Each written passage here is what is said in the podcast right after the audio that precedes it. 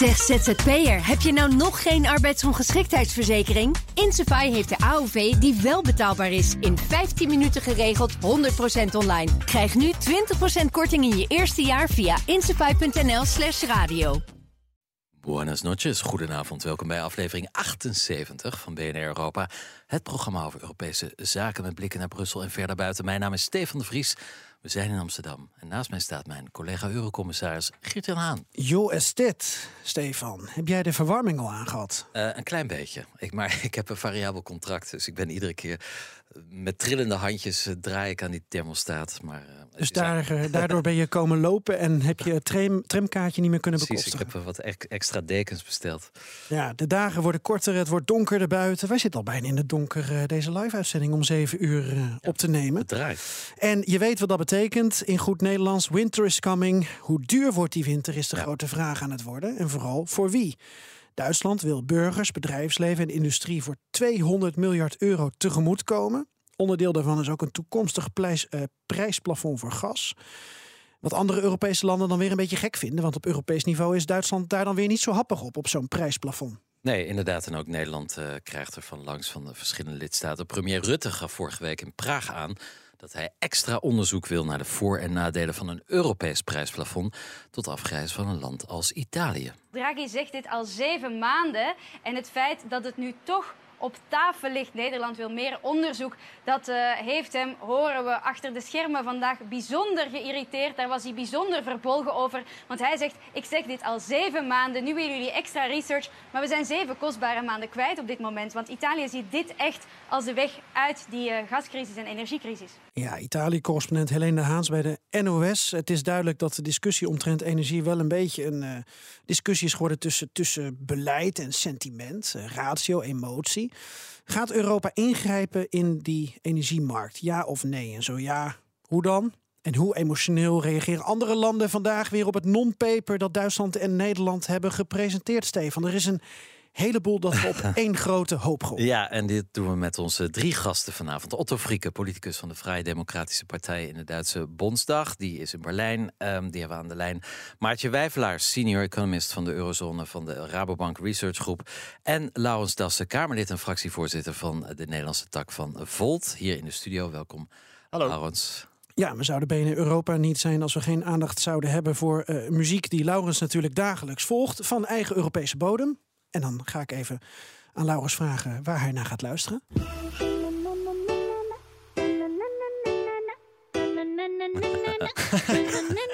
Esperanto lijkt het wel. Ik heb geen idee. Nou. Maar het klinkt goed. De klinkt lange... vrolijk. De lange versie hoor je zo. Dit is BNR Europa. Eurocommissarissen Haan en de Vries houden de Brusselse zaken scherp in de gaten. Tijd voor de Europese Week. Uh, Haan, hoe was het in Praag, waar jij vorige week was? Ja, gezellig. Het ging ook over gas, uh, maar natuurlijk ook de geboorte van de eerste Europese politieke gemeenschap. Met 44 Europese leiders. Uh, ja, men vroeg zich van tevoren af, wat heeft het nou voor zin? Nou, uh, ook ja. achteraf hoor ik nog veel uh, sceptische geluiden. Tegelijkertijd had ik de indruk dat het voor de Caucasus wel wat opleverde. En dat uh, landen op de Balkan er ook wel blij mee waren. Je ziet deze week eigenlijk vanuit Europa allemaal gunstige berichten over Bosnië, over Kosovo, over Noord-Macedonië. Dus iedereen heeft in Praag met de benen op tafel gezeten. Uh, met een biertje erbij en is vriendjes met elkaar geworden, lijkt het wel. Behalve als het dus gaat over gas. Ja. Daar komen we zo over te spreken. Een dingetje dat mij opviel, Steven, want uh, Ursula von der Leyen werd toegejuicht als ware het de Brusselse Britney Spears op de Praagse burcht. En Laurens Das, als ik het goed heb begrepen, waren dat leden van Volt die daar met Europese en Oekraïnse vlaggen stonden te zwaaien toen Ursula von der Leyen daar aankwam. Uh, want jullie waren ook in Tsjechië en jullie dachten laten we Ursula von der Leyen eens hartelijk onthalen. Zeker, wij hadden ook een top uh, in Praag uh, dit weekend, uh, de, de Volt-top, Volt het Europese congres, waarin alle Volters uit heel Europa naar Praag zijn afgereisd om daar samen ja, te bespreken van wat is de richting die we met Volt op gaan. En op vrijdag, ik, ik was zelf toen nog niet aanwezig, ik zat nog in de trein, 15, 16 uurtjes. Um, waren zij aanwezig hè, bij de Europese top, waar alle regeringsleiders aankwamen. en ik geloof dat inderdaad enkele regeringsleiders met een applaus begroet zijn. En dat er ook enkele regeringsleiders onder wat boegeroep. Ja, Orbán die werd de burcht ongeveer afgejaagd. exact. Klopt, ja. ja. Ja. Nee, het was toch bijzonder om te zien. Ik had het nog nooit eigenlijk meegemaakt. Dat er dus echt uh, enthousiastelingen achter dranghekken stonden met Europese vlaggen en, uh, en Oekraïne. Ik had het gevoel alsof Mathieu van der Poel zeg maar, bijna de bocht doorkwam en dat we er klaar voor waren. Ja, en dat was echt heel erg mooi. Want op vrijdag was dat. Hè, en we hebben op zaterdag hebben we ook een hele grote uh, demonstratie door de straten van Praag gehad. 900 uh, volters uh, met Europese vlaggen. En ik begreep dat er in de ochtend juist een anti-Europees geluid door de straten was getrokken. Dus ook daar hebben we even het positieve geluid van, ja, zeker deze tijd, we hebben elkaar knetterhard nodig. Dus laten we vooral samenwerken. Hebben we daar ook in Praag heel mooi naar voren kunnen brengen. Ja, ik, ik zag uh, over die top een, uh, een tweet van Volt Nederland uh, uit Tsjechië, waar ik, waar ik even ja, met mijn wenkbrauwen bij fronste. een tweet, daarop stond een foto van een mooi ja, een, een, een, paleisje, een ontbijt. En er stond bij dag 2 van de General Assembly van Volt Europa. De dag wordt gestart met een ontbijt georganiseerd door de Women of Volt. Toen dacht ik, uh, wat is dit voor een binair ouderwets gedoe eh, bij zo'n moderne partij als Volt om, het, om de wereld op te delen in mannen en vrouwen? En ten tweede, waarom moeten de vrouwen dat organiseren? Kunnen de mannen niet zelf hun eigen ontbijt verzorgen? nou, het is natuurlijk uh, heel belangrijk om te zorgen dat uh, vrouwen die politiek actief willen worden, uh, dat, dat daar gesprekken over gevoerd kunnen worden, dat daar dit soort evenementen voor georganiseerd worden. Overigens geloof ik ook dat daar mannen bij aanwezig waren, um, want het is wel belangrijk dat er meer vrouwen in de politiek komen. Ja, dan moet je ook af en toe zorgen dat je daar de juiste sessies voor organiseert. Ja. Ontbijtsessie. Ontbijtsessie. Oké, maar dan wel verzorgd door de vrouwen. In deze. In deze, oké. nou, volgende keer hoop ik dat jij uh, eitjes staat te bakken bij je volgende top. De vraag is alleen, gebeurt dat dan op uh, inductie of op gas? Ja, nou, tijd voor ons hoofdverhaal. Leuk bruggetje. Uh, Graag Dat, dat ei ben je inmiddels kwijt. Uh, Europa en de energiecrisis. Hoe krijgen we de gasprijs naar beneden? Dat is misschien uh, de vraag, niet alleen politiek, maar ook waarschijnlijk aan vele ontbijttafels in heel Europa. Het lijkt op dit moment een soort strijd te worden tussen ratio en emotie. Ja, de een zegt Europa moet keihard ingrijpen op die energiemarkt, gezamenlijk inkopen, gasprijsplafond, alles uit de kast halen. En de ander die zegt, nou, we hebben liever maatwerk en een, eh, een, een, een toolbox en niet één hamer waar we mee slaan ben toch wel benieuwd of dit uiteindelijk leidt tot een gezamenlijke Europese aanpak. Uh, ook weer door dat non-paper van vandaag van Nederland en Duitsland. Ja, moeten we even uitleggen. Non-paper, uh, dat is een soort uh, ja, gesprekstuk dat gemaakt wordt door ambtenaren. Geen officieel beleid. dit vandaag dus van Nederland en Duitsland, waar, waarin dan suggesties worden gedaan om te praten over een aantal dingen. En met name ging het daarin over ehm, dat we meer moesten besparen en dat er vooral eigenlijk geen prijsplafond uh, moet komen. Um, daar spreken we dus over met um, onze gasten. Otto Frieke, Duits politicus voor de FDP. Maartje Wijvelaar, senior economist bij de Rabobank. En Laurens Das, u hoorde hem net al, fractievoorzitter van Volt. Uh, nogmaals, welkom. Laten we beginnen met uh, Duitsland. Meneer Frieke, um, als ja. we kijken op uh, macro-economisch niveau. Um, wat is in uw ogen nou het probleem op dit moment in de discussie over het gasgebruik in de Europese Unie? Ik geloof het grote probleem is dat ieder land uh, al iets heeft gedaan. Ik heb een beetje in voorbereiding van deze uitzending gekeken uh, of er een land is dat, dat nog niet in de vraag van het gasbeleid iets had gedaan. En dan kijk je en dan zie je dat. Ja, ik heb Oostenrijk, Frankrijk, Nederland, Ierland, Spanje, Italië, Slovenië, Kroatië, Ungarn, Hongarije, Tsjechië, Polen, Denemarken, Litouwen, Estland, Letland. Ze hebben al iets gedaan. En de vraag hier is, en, en dat is belangrijk, uh, is dat iets wat ieder land zelfs moet doen? En er zijn heel veel die zeggen, ja, als we Europa zijn, moeten we het samen doen. En de paralleliteit gaat dan natuurlijk met de coronacrisis. Hè? Ja. Daar zegt men ook, daar hebben we het ook samen gedaan, hebben we een oplossing gevonden. Eh, het probleem is dan natuurlijk dat ieder land een andere manier van energiebeleid heeft. En, en zelfs als, als men zegt we gaan het langs het coronabeleid doen, dan moeten we aan het eind kijken, ja, maar welke landen hebben meer gas nodig per capita dan anderen? En als we, dat mag ik dan nog zeggen, naar de 200 miljard kijken, dat zijn, die 200 miljard zijn niet voor, voor één jaar of zo, dat is voor het jaar 22, 23 en 24. En als je dan per capita kijkt, is dat wat Duitsland doet niet hoger dan dat wat andere landen al hebben gedaan als je kijkt naar bijvoorbeeld BTW-verlaging en andere dingen meer. Dus het is zeker een hoger cijfer. Het is zeker iets wat uh, Duitsland op dit moment individueel doet. Maar hoe we dat in het detail doen, dat kunnen we dan weer niet zonder de Europese Commissie. En dat is ook juist zo. Maartje Wijvelaars, als we kijken naar Europese huishoudens aan de ene kant, industrie aan de andere kant. Welke maatregelen uh, ja, zijn zij dan eigenlijk de komende tijd het meest bij gebaat? Hoe kijkt u als econoom hiernaar? Ja.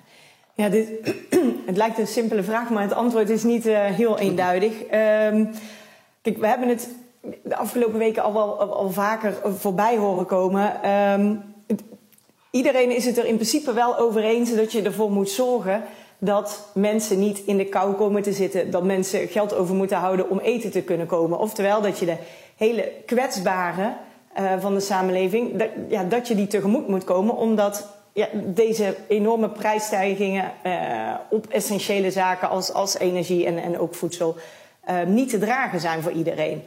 Um, tegelijkertijd um, moet je wel bedenken dat als je um, gaat subsidiëren of, of, of, prijzen gaat verlagen, of op wat voor manier dan ook mensen tegemoet gaat komen, uh, dat ook zorgt, ervoor zorgt dat je een bepaalde vraag naar iets in stand houdt. Hè, laten we het even hebben over, over het gas waarvan we simpelweg veel minder hebben. Dus als je um, he, ervoor kiest, wat heel logisch is, om bijvoorbeeld uh, huishoudens die, die dat niet aan kunnen uh, te helpen, dan moet je tegelijkertijd wel op een andere manier kijken van oké, wat, wat kunnen we dan aan flankerend beleid doen? Dat er ergens anders minder vraag is bijvoorbeeld naar gas, waardoor toch die prijs um, ja, niet alsmaar blijft stijgen.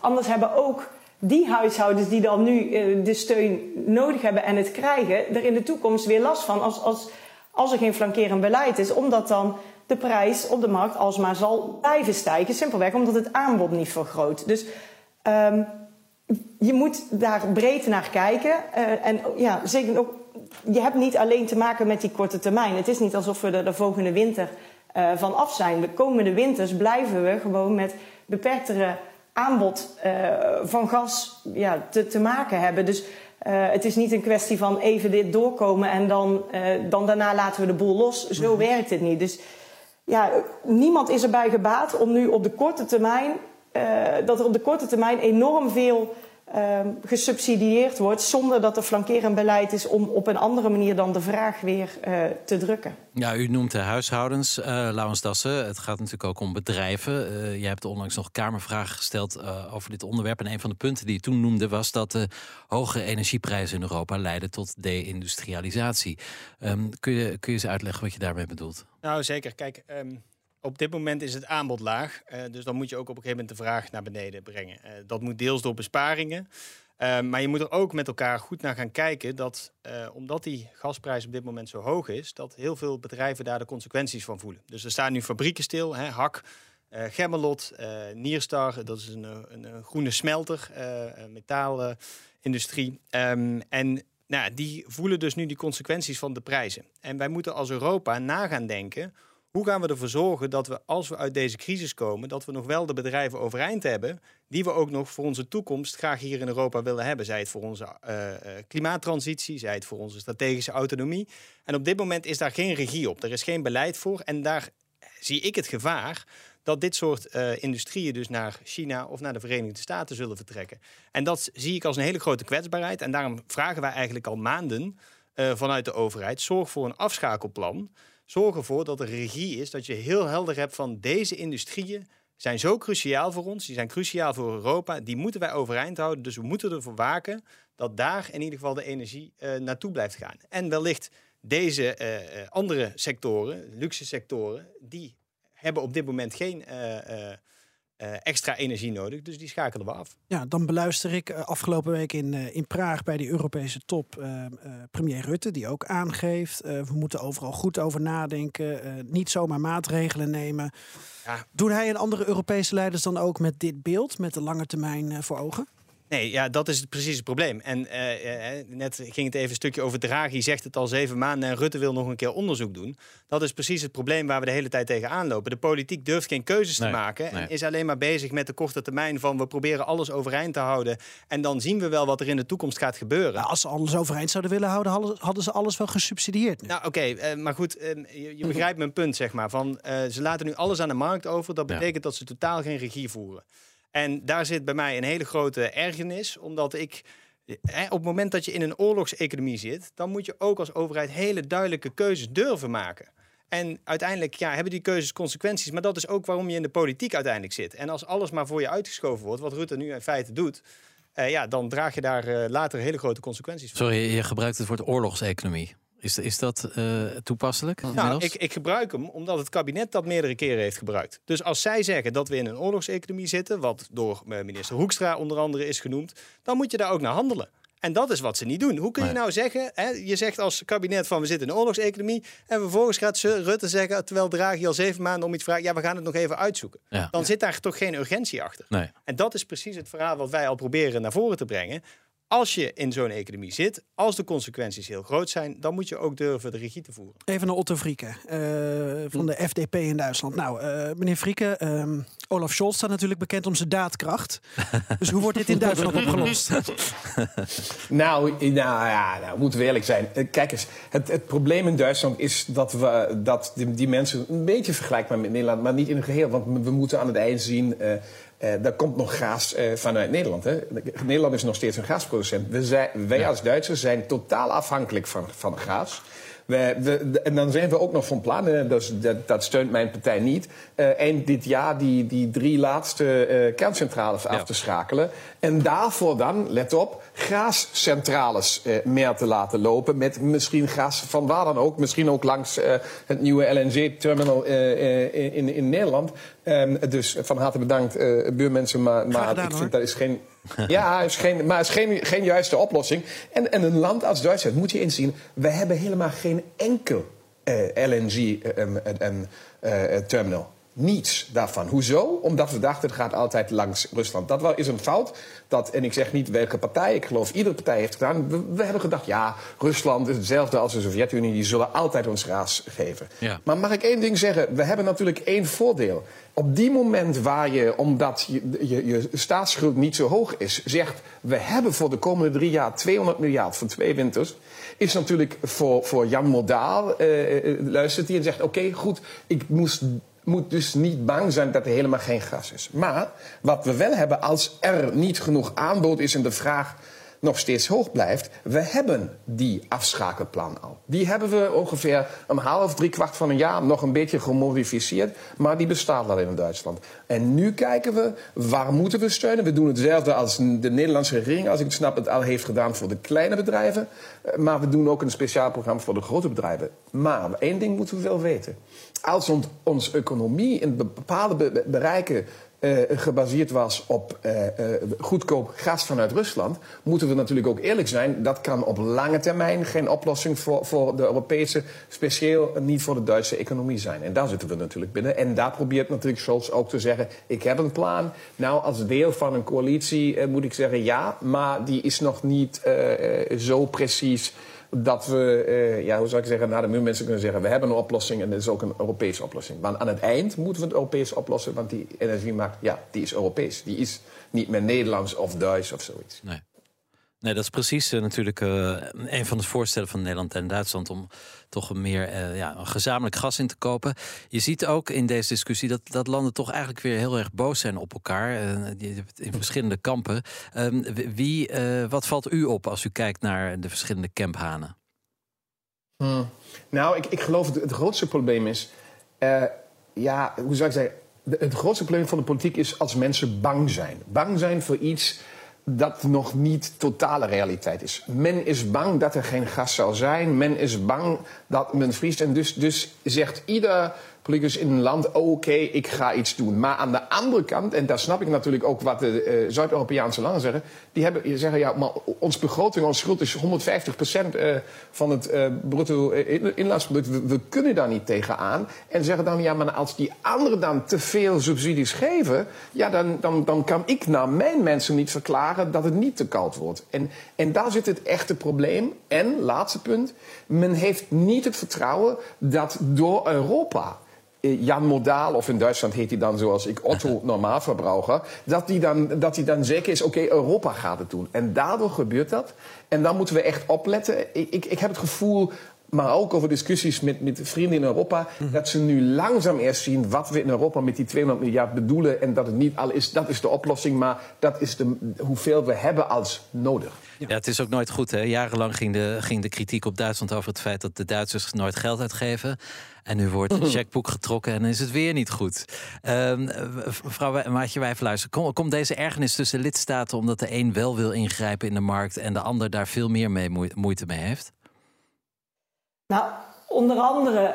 Um, onder andere, ja, deels is die ergernis, uh, zoals zojuist al aangegeven, komt dat vanuit het feit dat sommige landen die slagkracht wel hebben en andere niet. En ja, in een, uh, bij stijgende rentes, staatsrentes, door, door, het verkrappende beleid van, van, van de ECB, ja, dan werkt dat, die, die slechtere staatsfinanciën extra hard door. Um, daarnaast heb je inderdaad dat je.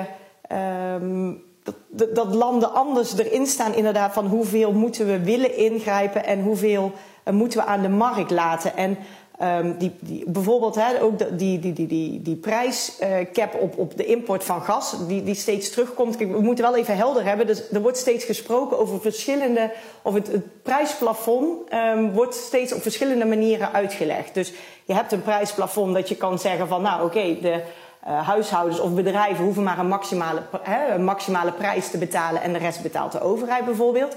Maar uh, je, er wordt ook gesproken over een prijsplafond, um, waar onder andere dus Italië al veel langer op, op hamert. Dat je zegt als Europa, oké, we spreken af een max, dat we maar een maximale prijzen willen betalen op gas dat we importeren vanuit buiten Europa. Mm -hmm. En dan zeggen we uh, gewoon tussen aanhalingstekens tegen de, de, diegenen die, die het gas leveren, hè, de LNG, uh, noem de VS, noem, noem een Qatar. Nou, dit is wat jullie kunnen krijgen. Ja. Uh, ja, take it or leave it. Maar, Precies. Nou, ja, ik denk dat ze zeggen leave it. ja. de mazzel. ja, nou ja, dat risico is natuurlijk ja. heel groot. En, en daar ook omdat... Um, er is mogelijk zijn er heel veel negatieve effecten aan zo'n prijsplafond. Want als ja. inderdaad de andere partij zegt, ja, jammer dan, dan krijg je niks. Uh, of in Japan uh, zegt bijvoorbeeld, oh dat is mooi, wij weten wat jullie max is. Nou, dan gaan wij net eventjes uh, 2 dollar hoger zitten. Dan harken wij mooi alles binnen op de spotmarkt. Ja, dat zijn wel dingen die, die waar je rekening mee moet houden. Dus um, ja, het is niet, niet evident de oplossing. Geert-Jan Haan en Stefan de Vries. Je luistert nog steeds naar BNR Europa vanuit de BNR-studio in Amsterdam. We hebben, dus zojuist, we hebben zojuist een kritische blik geworpen op de energiecrisis... die op dit moment in Europa heerst. We gaan nog even verder over dit onderwerp. Ja, want uh, Otto Frieke, Maatje Wijvelaars en uh, Laurens Dassen... die zijn uh, te gast bij ons en... Laurens Dassen, um, een prangende vraag op je lippen ja, uh, voor de economen onder ons. We hebben hier twee politici van middenpartijen uit Noordwest-Europa. En we hebben een hele neutrale economen met enige kennis van het sentiment in Zuid-Europa. Dus volgens mij komen we er wel uit vandaag. Nee, zeker. Kijk, um, Maartje noemde net, uh, als je het prijsplafond op Europees niveau hebt, dat de zorg bijvoorbeeld is dat uh, landen als Japan dan zeggen van, nou ja, wij betalen dan iets extra's en dan is het gas voor ons. Maar ik vroeg me af hoe reëel dat risico is. Want wat je nu vooral ziet is dat wij als Europa uh, eigenlijk al het gas uit de hele wereld uh, opkopen. Het LNG, uh, Bangladesh, Pakistan komen grote, hebben grote tekorten op dit moment. Omdat wij gewoon iedereen overbieden. Um, en zou je als Europa daar ook niet creatiever mee om kunnen gaan? Dat op het moment dat dat gebeurt, verhoog je dat prijsplafond. Zijn we niet te veel aan het denken in problemen in plaats van hoe kan dit wel werken? Ja, nou kijk, een van de um dingen, zeg maar, een, een, een reden dat, dat Europa nu wel ook heeft, uh, al ja, zoveel heeft binnen kunnen uh, harken, zeg maar, van, van, van al die LNG door zoveel te bieden, is één natuurlijk een bepaalde prijs die wij blijkbaar wel bereid en, zijn om te betalen, die wij kunnen betalen en sommige andere landen niet. Maar wat tegelijkertijd ook speelt, is dat bijvoorbeeld een Japan heeft maar twee weken aan um, voorraden überhaupt tot, tot zijn beschikking. Dus, dus uh, opslagcapaciteit voor Japan is, is maar twee, twee weken aan gebruik. Dus die, konden, oh, die, die hebben de afgelopen tijd uh, ook niet. Ja, het had geen zin om, om, om, om die prijzen te bieden. Want ja, weet je, als je toch maar voor twee weken aan capaciteit kunt, kunt, kunt vullen, ja, dan, dan wacht je even om te kijken totdat de nood echt hoog is. Dadelijk in de winter is die nood wel. Want ja, als binnen twee weken je voorraad leeg is en, en, je, hebt niks meer, dan zul je wel moeten. Als je dan weet, oké, uh, dit, is een, een, een, dit is een plafond wat, wat een andere grote groep bereid is om te betalen. Nou, dan, ja, de nood is zo hoog, dan moet ik daar boven gaan zitten. Je, dus, dus dat is één deel. Um, waardoor misschien de afgelopen maanden niet helemaal representatief zijn voor, uh, ja, voor wat er in de wintermaanden zou kunnen gebeuren. Of dat je zo'n prijsplafond variabel kan maken. Ik, uh, ik weet het niet heel eerlijk gezegd hoe, uh, hoe dat dan in zijn werk zou moeten gaan. En hoe je dan dus bepaalt op welk moment je welke prijs uh, bereid bent om te be bepalen, uh, betalen. Sorry. Ja, bepalen um, ja. Ja. Dus, en het heeft er natuurlijk ook wel mee te maken van waar komt, waar komt uh, het LNG, uh, de LNG vandaan? Hè? Waar, waar zit de terminal die, die, die het exporteert? Is dat uh, aan de westkust van Italië of is dat de, of, van Italië, van de Verenigde Staten of, of is dat de, de oostkust? is het, of, of is het Qatar? Kijk, Qatar is sowieso al beter gepositioneerd om ook gas uh, LNG goed te kunnen leveren aan, aan, aan in China of, of, of in Japan, hè, Aziatische landen. Um, dus, dus waar dat LNG vandaan moet komen, dat maakt uit wat je, uh, ja, hoe sterk je onderhandelingspositie überhaupt is. En hoe makkelijk het is voor, voor, voor een exporterend land om het elders naartoe uh, te verschepen. Mm -hmm. uh, maar ook ja, welk moment in het jaar zit je, bepaalt wel ja, wat, wat, voor prijs is, is, een ander bereid uh, om te betalen? Hoe, hoe, hoog is die nood? En, en nogmaals, kan je dat variabel maken? Ik bedoel, het is het, het, is het uitzoeken waard. Hè? Ik zeg niet per definitie dat iets niet kan hier. Uh, ik, ik schets alleen waar je dan ja, waar je wel allemaal rekening mee moet houden. En dat het niet zo simpel is om te denken... nou, wij zijn de EU, wij zijn groot, uh, wij hebben hier de macht. Want ja, maar dat toch, hebben we niet. Toch, toch moeten we proberen in oplossingen te denken. Nou ja, uh, korte termijn, lange termijn. Daarom is het natuurlijk wel positief dat uh, nu eindelijk Duitsland en Nederland ook wel aangeven dat er gezamenlijke inkoop moet komen. Hè, daar hebben we het een jaar geleden in de Kamer ook al over gehad. Toen was het toch, uh, nee, dat, dat willen we allemaal niet.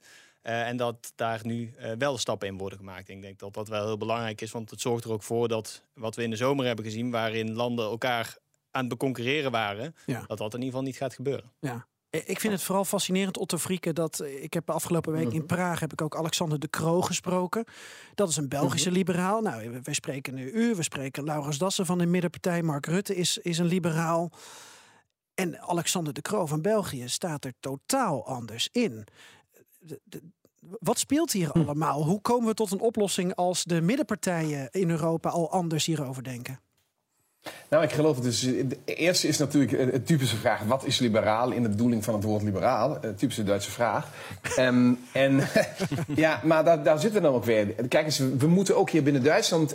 Hadden we ook als, als deel van een coalitie gezegd: ja, kijk eens, we willen niet zo hoog. We wilden in het begin helemaal niet met zo'n 200 miljard programma. Ook wetend uh, wat in Europa zou gebeuren. Maar um, we moeten wel zien aan het einde, als wij als liberalen vaak verklaren: um, ja wees spaarzaam.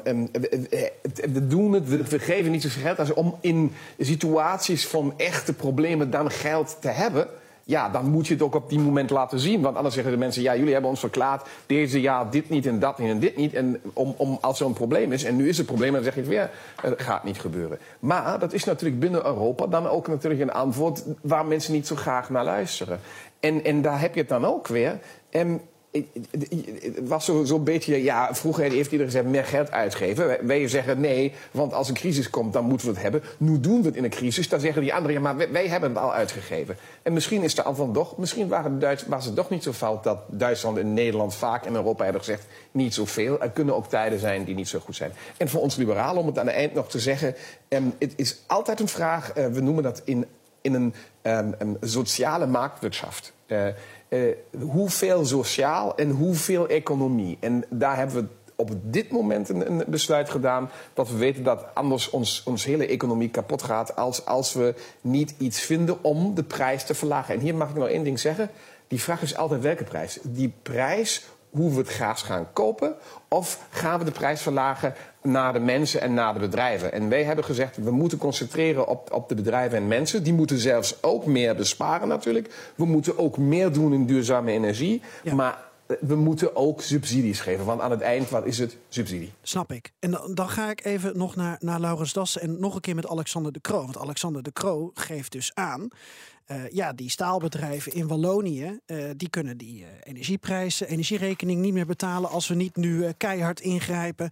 Dan gaan dus mensen hun banen verliezen. Dan heeft Wallonië sowieso een, een probleem. Um, hoe kijk je daar dan naar?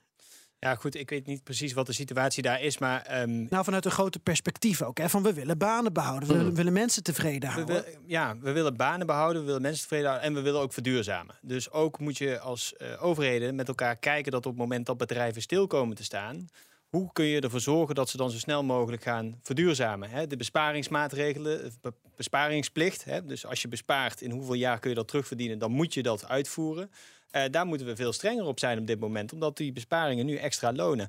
Um, daarnaast heb je ook, ja, je zult bedrijven uh, die zullen uh, deze crisis niet overleven. En daar zullen dan mensen werkeloos door raken. Dan moet je ook zorgen dat je die mensen helpt naar de transitie naar een nieuwe baan. Ik bedoel, we mhm. komen op de arbeidsmarkt uh, honderdduizenden mensen tekort op dit moment. Uh, vooral ook op het gebied van de energietransitie, de klimaatbanen. Uh, zorg er dan ook voor dat er een programma is dat die mensen daarin omgeschoold kunnen worden. Want ja, daar kan de overheid een hele mooie rol in nemen om te zorgen dus dat nou ja, we die transitie dan naar duurzaam, die nu heel hard nodig is, ook nog sneller kunnen maken. Ja, maar dan, dan hebben we hebben het over Europa. We noemen het Wallonië, 12,5% werkloosheid op vijf kilometer van de Nederlandse grens die mensen die daar wonen, die gaan echt niet in Nederland werken. Is dat ook niet iets waar we meer op zouden in moeten zetten? Want, want er is mhm. vrij veel uh, aanbod in de omliggende landen. Uh, van Nederland bijvoorbeeld. Hier is een grote druk op de arbeidsmarkt. Um, en nu is de Kro probeert daar werkgelegenheid te, te behouden. Oude, ouderwetse werkgelegenheid, vervuilende werkgelegenheid. Terwijl op 30 kilometer afstand wemelt het van de banen. Is dat ook niet net, net was het nog vijf. Nou ja, is nu weer verder ja, ik, ik, denk nu aan benzine, dat moet je uitrekenen. Ik, denk aan, aan, Luik en Maastricht. openbaar vervoer. 30 kilometer. Openbaar vervoer. Ja, is in het zuiden van Nederland ook nog een probleem, ja, meneer Friek. Maar goed. Nee, maar zeker, ook daar zou je naar moeten kijken. Daar hebben we ook eerder in de Kamer ook al voor gepleit. Je ziet ook in het zuiden van Europa heb je ook gigantische uh, jeugdwerkeloosheid. Um, nou ja, laten we zorgen dat we als Europa daar veel slimmer mee omgaan. Om te zorgen dat we en die transitie kunnen maken en uh, de kennis en kunde bij mensen verbeterd wordt, zodat ze dat ook weer uh, in het Duitsland uh, kunnen bijdragen. Want daar profiteren we uiteindelijk allemaal van. Ja, en uiteindelijk, uh, kijk, al die hulp uh, en, en, en subsidies, noemde Otto Frieke het, plafonds, hoe je het ook wil noemen. Uiteindelijk zijn het allemaal sigaren uit eigen doos. Want degene die betalen zijn toch de belastingbetalers. Is dat niet ook, is dat wel houdbaar op de lange termijn? Staatsschulden, reizen overal de pan uit. Hier wat minder, maar... Um, lange termijn nou, kijk, ik, ik denk dat als je zorgt dat je het investeert in de toekomst, dan uh, is het zeker houdbaar. Uh, maar wat je nu wel ziet gebeuren, is dat er natuurlijk heel veel geld uh, beschikbaar wordt gemaakt. Dat wordt vrij generiek uitgegeven. Ja. Ja, en dat is wel een, een, een risico, want het liefst wil je zo gericht mogelijke compensatie. Uh, want je wil ook voorkomen dat juist het beleid van de ECB tegen wordt gewerkt, doordat uh, ja, overheden extra gaan uh, compenseren. Ja. Dus dat is wel een balans waar we wel rekening mee moeten houden. Maar misschien dat Maasje daar nog, nog meer een aanvulling op heeft. Ja, en ook, ook, ook vanuit uw kennis, Maatje Wijvelaars, van het zuiden van Europa, waar ze natuurlijk wel weten hoe ze een beetje staatsschuld moeten opbouwen. ja, ja, nou ja, het, het, het, het punt hier. Is het goede punt wat, uh, wat net gemaakt wordt, is inderdaad als je, het investeert, als je geld uitgeeft en je investeert het in de, in de toekomst, dat je, dan is het goed uitgegeven geld. Dan is dat te verantwoorden. Um, Maar vanuit de gedachte dat, nogmaals, dat we hier niet alleen deze winter, maar ook de volgende en ook in 2024, dat we hier nog de komende jaren mee te kampen hebben en tot gewoon voor altijd met minder gas zitten dan dat we hadden, ehm, moet je inderdaad wel afvragen, wat, waar gaat dat geld dan naartoe? Ben ik nu niet uh, iets aan het subsidiëren, overeind aan het houden, wat gewoon niet meer terugkomt? Want dat is per definitie niet houdbaar. En daarom ben ik ook wel heel blij om te horen zojuist dat er dus wel ook dat er wel geluiden zijn, ook in onze Tweede Kamer, dat er gekeken moet worden naar, oké, wat, welke sectoren willen wij binnen de EU behouden? En dan heb ik het inderdaad niet over wat willen we in Nederland houden of wat wil Duitsland in Duitsland, België in België houden. Nee, ga als EU bekijken wat is essentieel, wat is nodig voor onze strategische autonomie, wat we al zo vaak, dat woord hebben we al zo vaak gehoord in de afgelopen jaren. Ja, door een Fransman. Um, maar, Macron, ja. de, de, de, ja. de, nationalist bij uitstek. Ook, ook maar, mooi ironisch. Maar... Ja, ja, dus dat is, dat, dat, dat is natuurlijk misschien wat dubbel, maar het is omarmd door, um, door, door, door heel Europa. Dus maak daar dan nu werk van en kijk in dat kader inderdaad, maak een plan. Wat wat vinden we essentieel? En dan, wat zouden de kosten zijn om dat te behouden? Dus, want niet iedere sector, niet ieder bedrijf, niet iedere fabriek heeft, um, heeft, is rendabel bij eenzelfde gasprijs. Moeten we per se terug naar de gasprijs van hè, eh, twee jaar geleden? Nou, waarschijnlijk niet per se voor, voor, voor, iedere sector, maar dat verschilt per sector. Dus je moet weten, wat wil ik houden? Wat, welke kosten hangen daaraan? Mm Waar moeten we dan op inzetten? Wat kunnen we doen om zodanig te verduurzamen naar alternatieve uh, bronnen, daarin te kunnen investeren, uh, dat we dat gedeelte aanpakken. En dan, ja, als je dan dat, dat, dat prijsplaatje hebt, is het mogelijk? Kunnen we uh, dat geld, hebben we dat geld, kunnen we dat, dat uitgeven? Want als we dadelijk een, een lopend tekort gaan hebben op onze lopende rekening als, als, als euro zijn, als, als Europa zijn, vanwege die hogere uh, kosten aan, aan, aan energieimporten onder andere. Mhm. Ja, dan verandert dat beeld ook nog wel. Dus, maar er zijn wel meerdere facetten die je hier, waar je, waar je nu een plan voor moet maken uh, om dat goed tot, ja, tot uitvoer te brengen en dat op Europees niveau te doen. En misschien ook nog één dingetje om, om, om terug te halen. Kijk, ik snap heel goed hè, dat je vanuit landsbelang dat je denkt, uh, oké, dit, zijn onze bedrijven, we moeten ze nu uh, steunen. We willen dat baanverlies niet. En ja, als je als land die slagkracht hebt, dat het dan dat je denkt, ja, hé, hey, dat heb ik verdiend. Ik mag dat nu uitgeven. Maar we, we concurreren nu met z'n allen om, één, om, om eenzelfde product. Het is niet meer zoals een aantal jaar terug dat iedereen riep: hé, hey, Duitsland, ga geld uitgeven. Want dan, dan, dan drijft dat ook groei bijvoorbeeld in Zuid-Europa door meer uh, import in Duitsland. Ik noem maar wat. Nu is meer geld uitgeven, betekent meer vraag naar gas dan dat er anders zou zijn. Mhm. Betekent minder gas voor iemand anders of tegen een hogere prijs. Dus dat, dat beeld, dat plaatje is ook om die reden um, wel veranderd. Ja, ik heb toch nog um, één vraag voordat we richting die, die oplossingen weer gaan over het sentiment in Zuid-Europa. Want Maatje Wijfelaars, uh, u kent en u volgt de, de politieke en economische ontwikkelingen in Italië, Spanje, uh, wellicht ook uh, Griekenland. Volgens mij waren het Italië, Griekenland, Polen en België die afgelopen week in Praag met z'n vieren met een alternatief plan waren, uh, kwamen voor, voor deze verlaging van die gasprijs. Ehm, waar dan weer Nederland en Duitsland niet zo fan van waren. Als dit zo logisch klinkt, wat u zegt. En tegelijkertijd is het ingewikkeld, daar ben ik me van bewust. Maar als, als veel mensen in Nederland en Duitsland het hierover eens zijn dat je op een bepaalde manier moet ingrijpen, maar ook niet te veel en rationeel. Waarom begrijpen de economen in Zuid-Europa dat dan niet? Waarom begrijpen de adviseurs van de politici in Zuid-Europa dat dan niet? Ik probeer daar toch vat op te krijgen. Uh, wat zouden ze dan precies niet begrijpen? Nou, waarom je niet uh, hals over kop uh, kan ingrijpen in die gasmarkt omdat leveringszekerheid in gevaar komt, dat zegt de Europese Commissie ook. Waarom, waarom hebben de adviseurs van de politici in Italië en Spanje andere ideeën daarover? Ja, ja, om. Kijk. Uh, Weer zo'n moeilijke vraag, sorry. Ja, ja. Mm. dat vraag je me inderdaad wat. Kijk, het is, het is ook wat. wat, wat, wat uh, Laurens zojuist juist zei: oké, okay, is er niet Hè, waar is dat onderzoek of is er niet iets te uh, bedenken in termen van oplossingen dat dit wel werkbaar is? Is het per definitie een nee? Uh, dat zou zijn, dat, dat, dat, zou kunnen, dat zij daar op een andere manier toch ja, wel onderzoek naar hebben gedaan en, en wel tot de conclusie komen dat iets kan. Tegelijkertijd komen we ook weer terug op het punt van ja, wat, wat voor alternatief hebben zij dan om hierop in te zetten um, als ze niet de, de, de, de, de slagkracht hebben, de financiële slagkracht hebben vanuit de overheid om ja, op eenzelfde manier um, alles overeind te houden en iedereen te sub, uh, subsidiëren. Of, of iedereen, hè, veel gas en energie te subsidiëren. Wat ze overigens trouwens in Italië wel ook doen. Hè. Daar werken ze ook met, ja. met belastingkredieten voor uh, stijging van energiekosten. Dus, Zo. Ja, dus daar, daar doen ze ook uh, heel veel. Um, maar wat ze daar wel ook gezegd hebben, Draghi, maar ook Meloni, heeft gezegd... ja een plafond bijvoorbeeld in, inzetten hè, binnen, binnen het land. Dus bijvoorbeeld wat, wat, wat Nederland ook doet. Hè, tot een bepaald verbruik betaal je maar dit en daarboven um, betaal je de, de, de, marktprijs. Zij zeggen ja, dat is ook gewoon niet de oplossing. Want het zorgt er uiteindelijk voor dat um, die, die marktprijs alleen maar verder uh, omhoog gaat. Omdat je ja, vraag creëert voor iets wat er niet is. En dan zijn die partijen die wel die marktprijs moeten betalen, of dat is een deel van je huishoudens en bedrijven, die zijn veel slechter af. Of uiteindelijk is het een open rekening voor de overheid.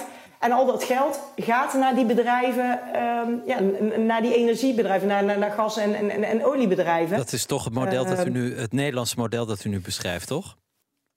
Het laatste? Ja. ja. Ja, dus er is iemand gaat voor die. Kijk, als je als je het onvoldoende flankeert door, de, door, door vraagreductie, dan gaat inderdaad gaan, gaan, gaan de partijen, de huishoudens bijvoorbeeld in Nederland, die dus wel die, de, de, de nog gerelateerd zijn aan een normale, uh, tussen aanhalingstekens, uh, een marktprijs, ja, die, die, die zien hun rekening dadelijk nog, nog harder stijgen dan dat ze dat anders zonder dit beleid hadden gezien. Ja. Um, maar goed, dat is ook een verdelings, hè, dit, dit is ook een verdelingsvraagstuk. Pijn is er. Die pijn moet genomen worden. Hoe je dat verdeelt, ja, dat, dat is een, wel ook een politieke keuze. En, snap ik ook wel. we proberen ook dat sentiment natuurlijk uh, een beetje te, te begrijpen. Waarom, ja. waarom uh, zijn de Italianen zo boos op Otto Frieken? Ja, ik geloof ja, omdat zij het, ja, omdat ze het zelf één uh, niet, niet uh, kunnen, omdat ze de slagkracht niet hebben. Uh, en twee, omdat het dus, ja, omdat het er wel voor zorgt dat als Duitsland het wel doet en zij het niet op die manier uh, doen, ja, dan wordt ook het gas voor hen uh, duurder. En, en dat vinden ze, um, ja, dat, dat wordt dan als oneerlijk gezien. En, en zij zien dus wel inderdaad die, die, die, die, die, die, die dat plafond op, ja. op de prijs van gasimporten als de oplossing. En snappen waarschijnlijk niet waarom wij um, dat niet zo zien. Ja, Otto Frieke, begrijpt u die, die, die woede of, of boosheid? Ja, ik, ik, ik begrijp, begrijp, ze wel een beetje. Maar kijk eens, uh, Italië heeft al, al besloten dit, en het, dit jaar 60 miljard ja. uit te geven. Dit jaar. We doen 200 miljard met meer mensen voor drie jaar. Ja, dat ja, komt op hetzelfde neer. Ik heb heel snel uitgerekend. Ja, ongeveer 900 euro per inwoner. Zowel in Italië ongeveer, als in Duitsland. Ja, zie je, dat is één. Het tweede is, ja, hoezo is men boos? Ja, kijk eens, dat, dat is politiek. En daar, daar zie ik zo'n beetje een probleem. Europa bedoelt, we moeten ook als een soort familie ons elkaar helpen. Maar kijk eens, hoezo hebben we dan nog koopkracht? Hoezo kunnen we dan nog vraag doen? Ja, omdat we daarvoor niet zoveel geld hebben uitgegeven. Ja. En Italië, hoezo zijn die bij 150% van het bruto nationaal product? Omdat ze gezegd hebben, ja, uh, uh, pensioen met 67, nee, gaan we niet doen. Gaan jullie Duitsers doen? Ja, zeggen we Duitsers, maar daarvoor moeten we ook minder steunen dan in, in, in dit gebied.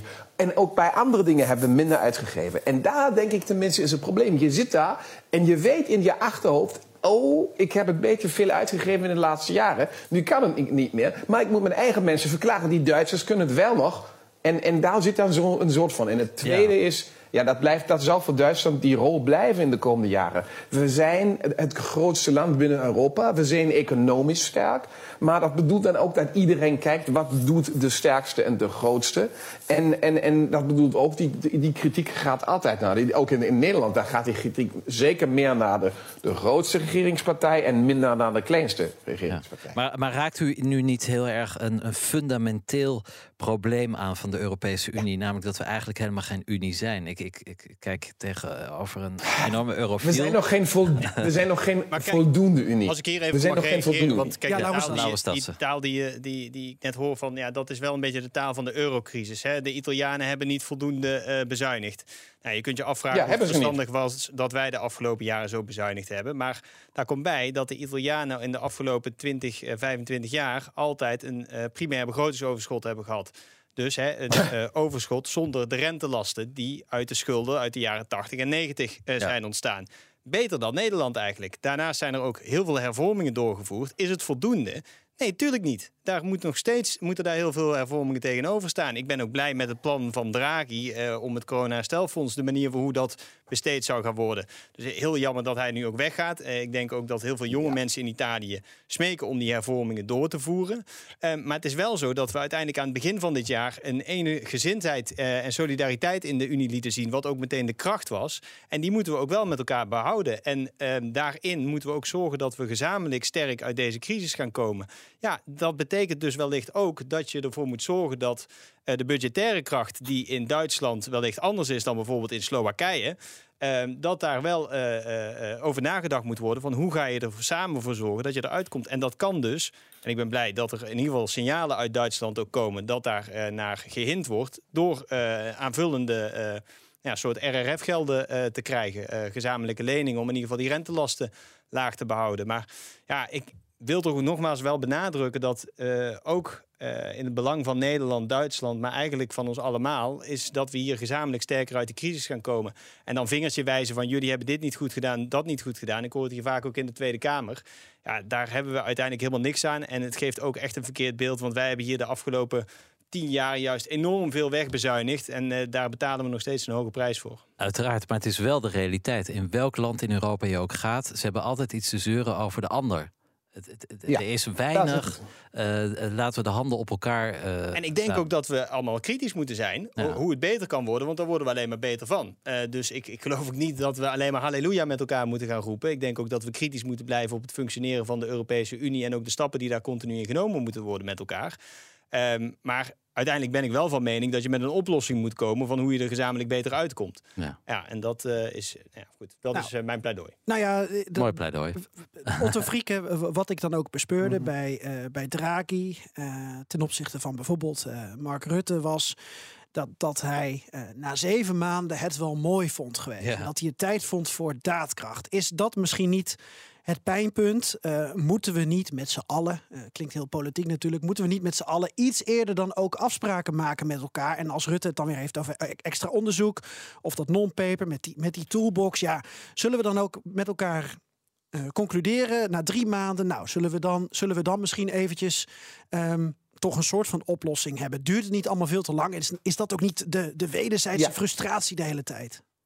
En e- e- eens, maar er zat ook een probleem en het is geen van schuld van iemand, want dat heeft ieder land gedaan. Er was ook geen echte initiatief van Italië binnen Europa.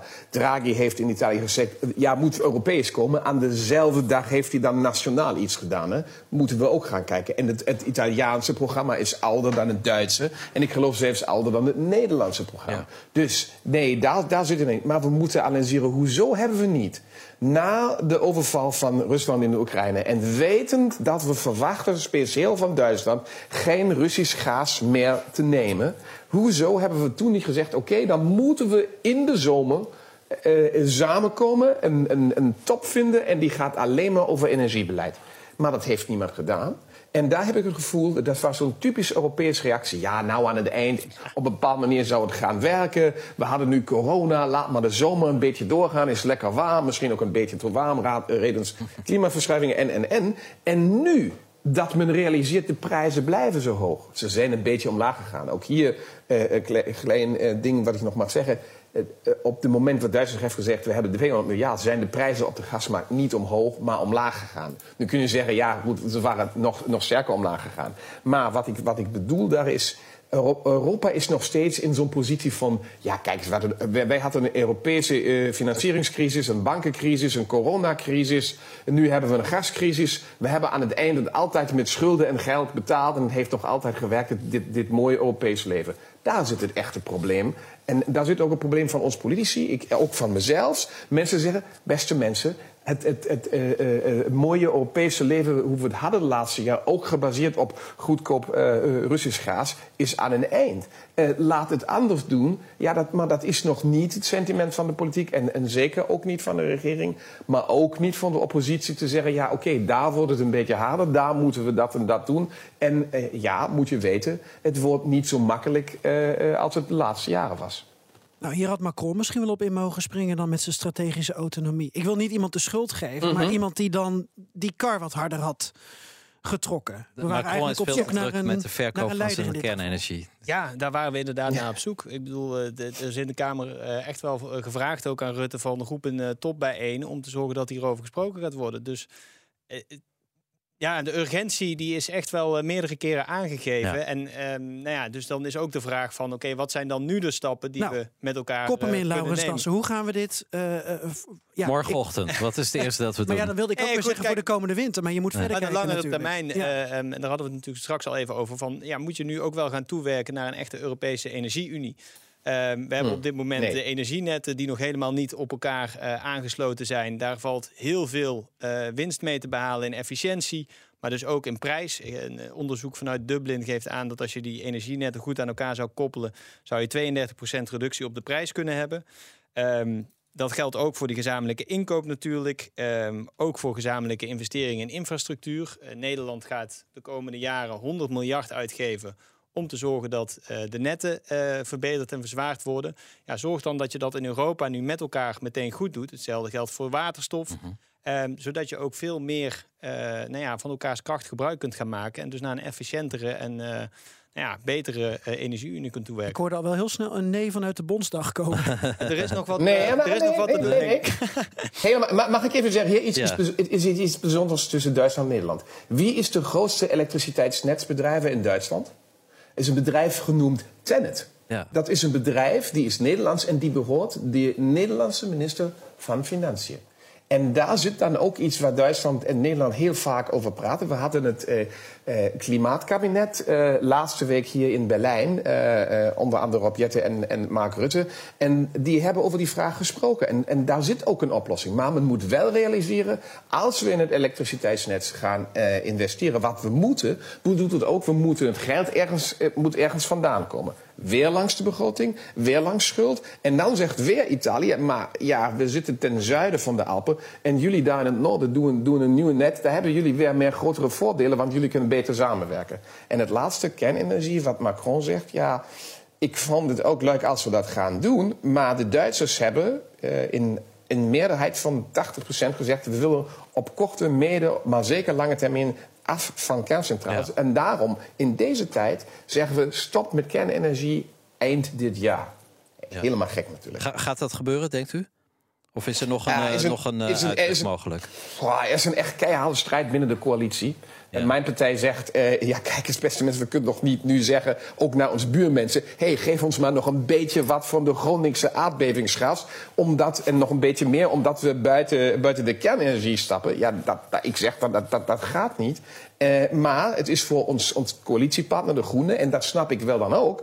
Het is cruciaal dat men buiten de kernenergie stapt, want dat is deel van. Uh, het haat van, van de Groene Partij in Duitsland. Ja. Maar misschien is nou, een voordeel dat... Uh, Europees weet ik welke de juiste is. Laurens Dassen? Nou, misschien is een voordeel dan dat Greta Thunberg vandaag uh, zelfs uh, pleitte om de...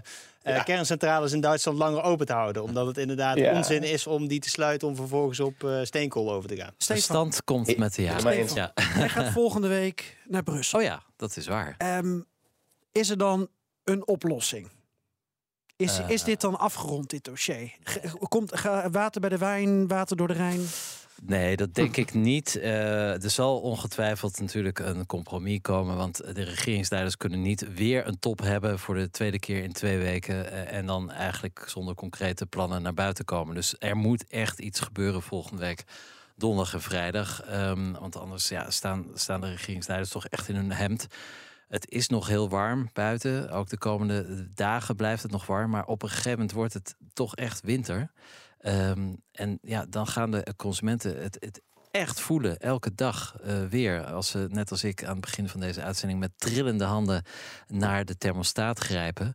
Um, het, het kan niet zo zijn dat er volgende week geen duidelijk antwoord komt van, van de regeringsleiders. En dat betekent inderdaad, je zei het altijd, iedereen een beetje water uh, bij de wijn moeten doen. Uh, ook Nederland en Duitsland, maar ook inmiddels de 17 landen die nu voor dat prijsplafond zijn. We zullen het weten volgende week dus. Uh, we zijn erbij. Donderdag en vrijdag in Brussel. Weer een top van de regeringsleiders. Hartstikke goed. En uh, tot slot wil ik uh, nog even één ding benoemen wat Otto Frieken net zei. meneer Frieken, u had het over een Uberval uh -huh. van Rusland op uh -huh. Oekraïne. Dat is een, een, een hele mooie false friend. Want uh, wij zouden dat als. Hè, u zei overval. Uh, in, het in, het Nederlands ja. is dat de invasie. Ik maar ik vind de overval vind, een... in gedachten wel interessant. Ja. Maar ik heb, te, ik, ik heb ook te veel überhaupt en sowieso gehoord. Maar ik zou dan zeggen, als het, in, als het in Brussel niet werkt... en dan doe ik iets op Duits wat ieder Nederlander snapt... dan heet het Goede Nacht, vrienden. Ja, prachtig. Dat is waar. Nou. Alleen als Scholz zijn plannen nu doorzet... Um, is het dan een, een, een, invasie in Brussel of een overval? Ja, ik hoop dat het een vriendelijke bezoek naar de vrienden in Europa is. Daar houden we ons dan maar aan vast. Goedenacht, vrienden. Dat ja. hoort bij een ander radioprogramma. We danken onze gasten. Otto Frieken in Duitsland, in Berlijn. Laurens Das hier in de studio. En Maartje Wijfelaars. De nummer 1 in... En tot slot laten we elke week een nummer 1 hit horen uit een van de Europese lidstaten. Ja, tweede poging voor Laurens Dassen.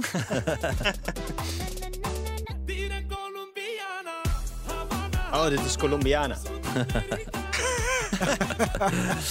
nee. Stefan, je hebt hem uitgezocht. Ja, het nummer heet wel eh, Havana. Uh, het is de nummer 1 in Roemenië deze week. Uh, overal in Boekarest en de omgeving klinkt dit uit de luidsprekers. En natuurlijk uh, ja, staat dit ook weer in de playlist op Spotify. Even zoeken op BNR nummer 1. En dan heb je al die mooie Europese nummer 1's bij elkaar. Ja, volgende week zijn we er weer. En je kan ons contacteren via europa.bnr.nl of op Twitter via BNR Europa. Dank voor het luisteren. À la prochaine.